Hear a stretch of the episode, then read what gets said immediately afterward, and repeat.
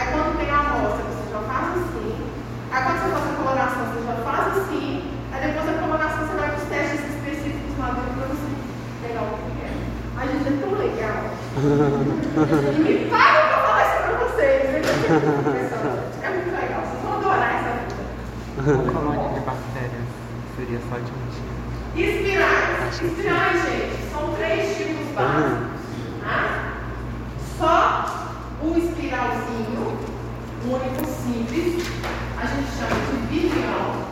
Tá? Então, quando a gente observa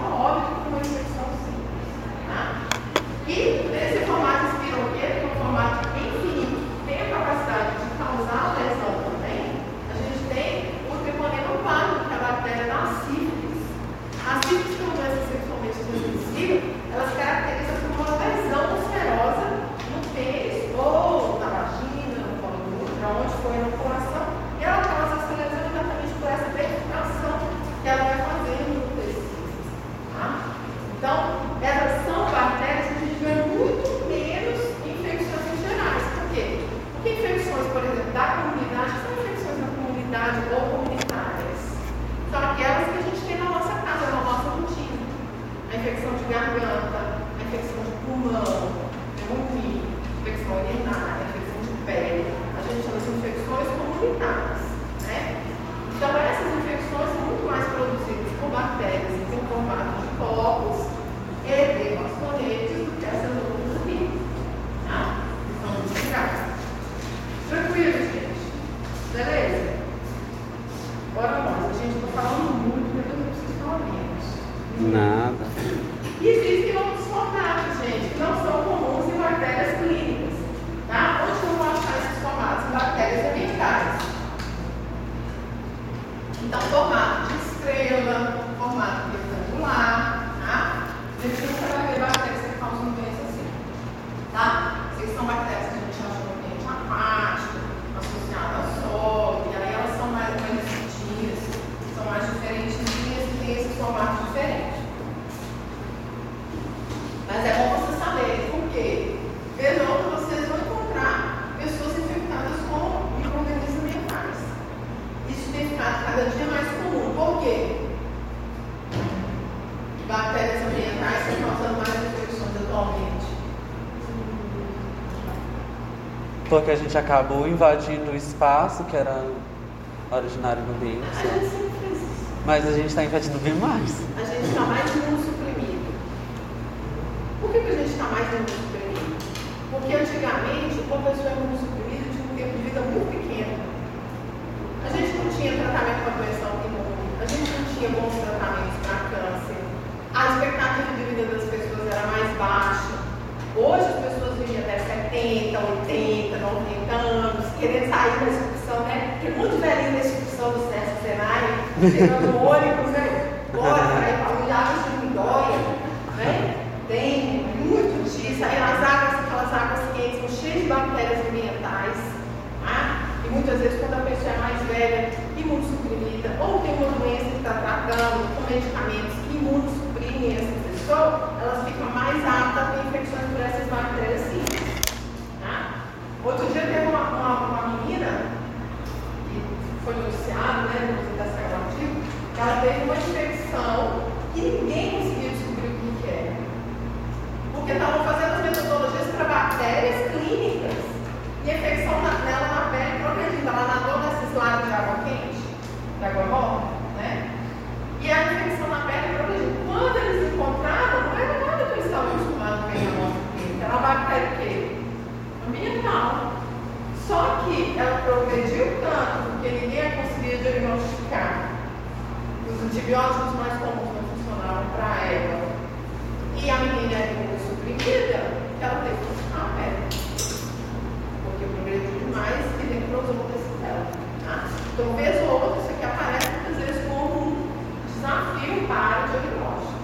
Tá? Parece uma barra de chocolate. Tranquilo, gente? Beleza? Deixa eu contar uma coisa também para vocês,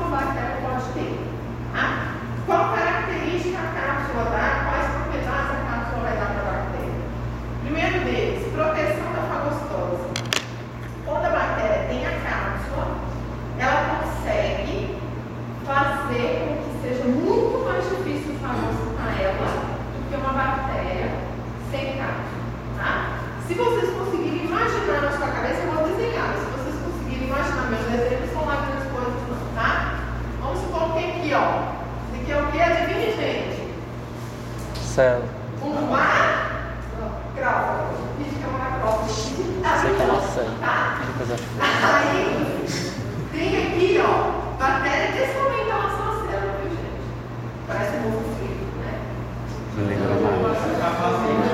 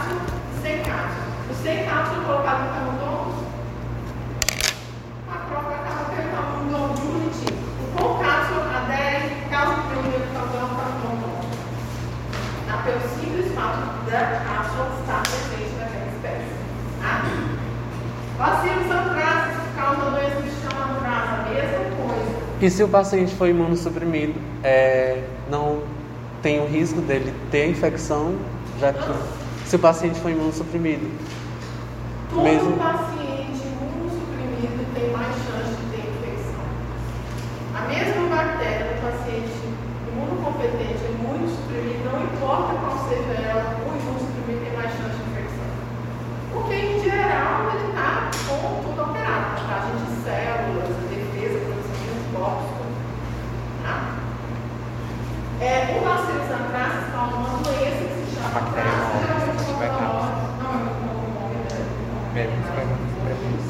e ele também então, pulando já subiu. Acho que ela Eu queria saber se ela sem Aceitado. Vive praticamente só um mês, só no meio ambiente. Ela não consegue colocar em mais. Tá? Hum, Estreptococos mudam.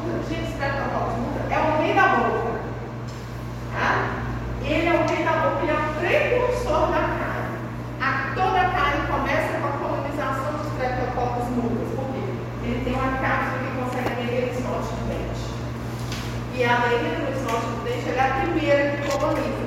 A carne nada mais é do que danos causados pelos micro-organismos no esmalte do dente. Isso começa com a colonização bacteriana do Streptococcus pulmonis. É o regador. Ah, é credo, é a questão todo bem. Escova os dentes para diminuir a quantidade dele, tirar ele para tentar colonizar lá. Escova não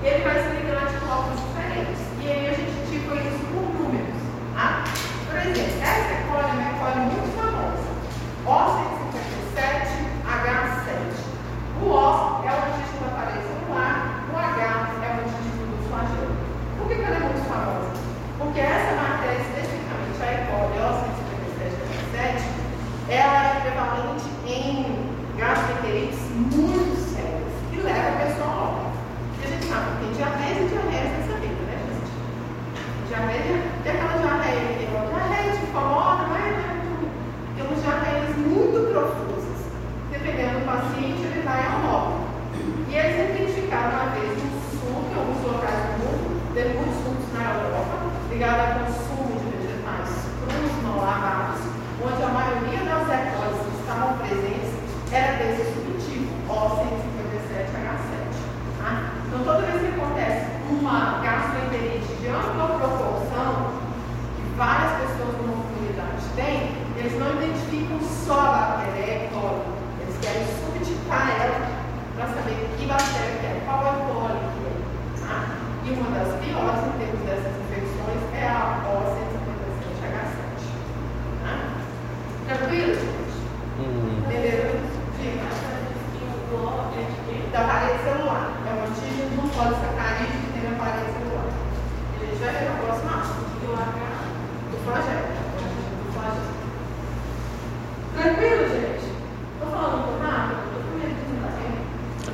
deixa, volta só rapidinho pra anotar o um negócio, por favor.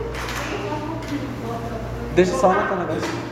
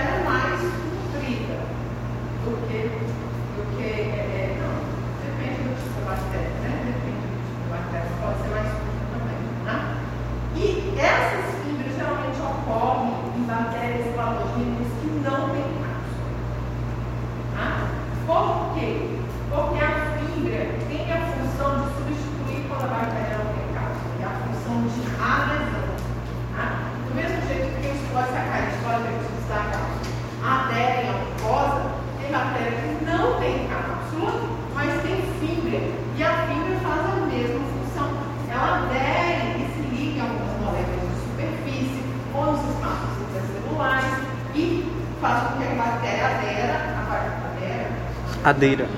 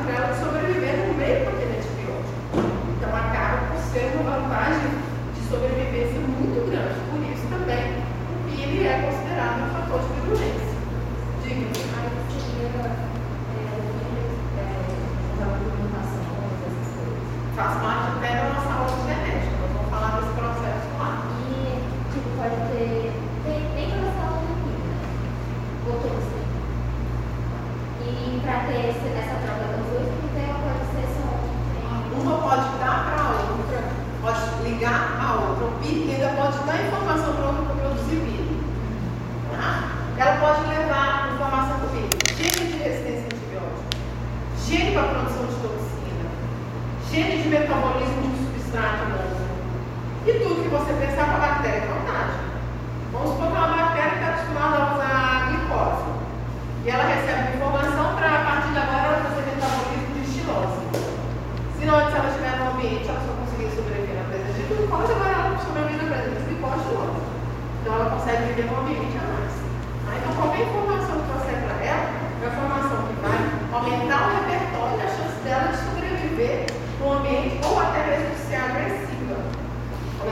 ela recebe a informação da toxina. Então ela é uma bactéria então, é toda feliz, sorridente, pronta. Agora ela recebe e foi para o lado negro da força.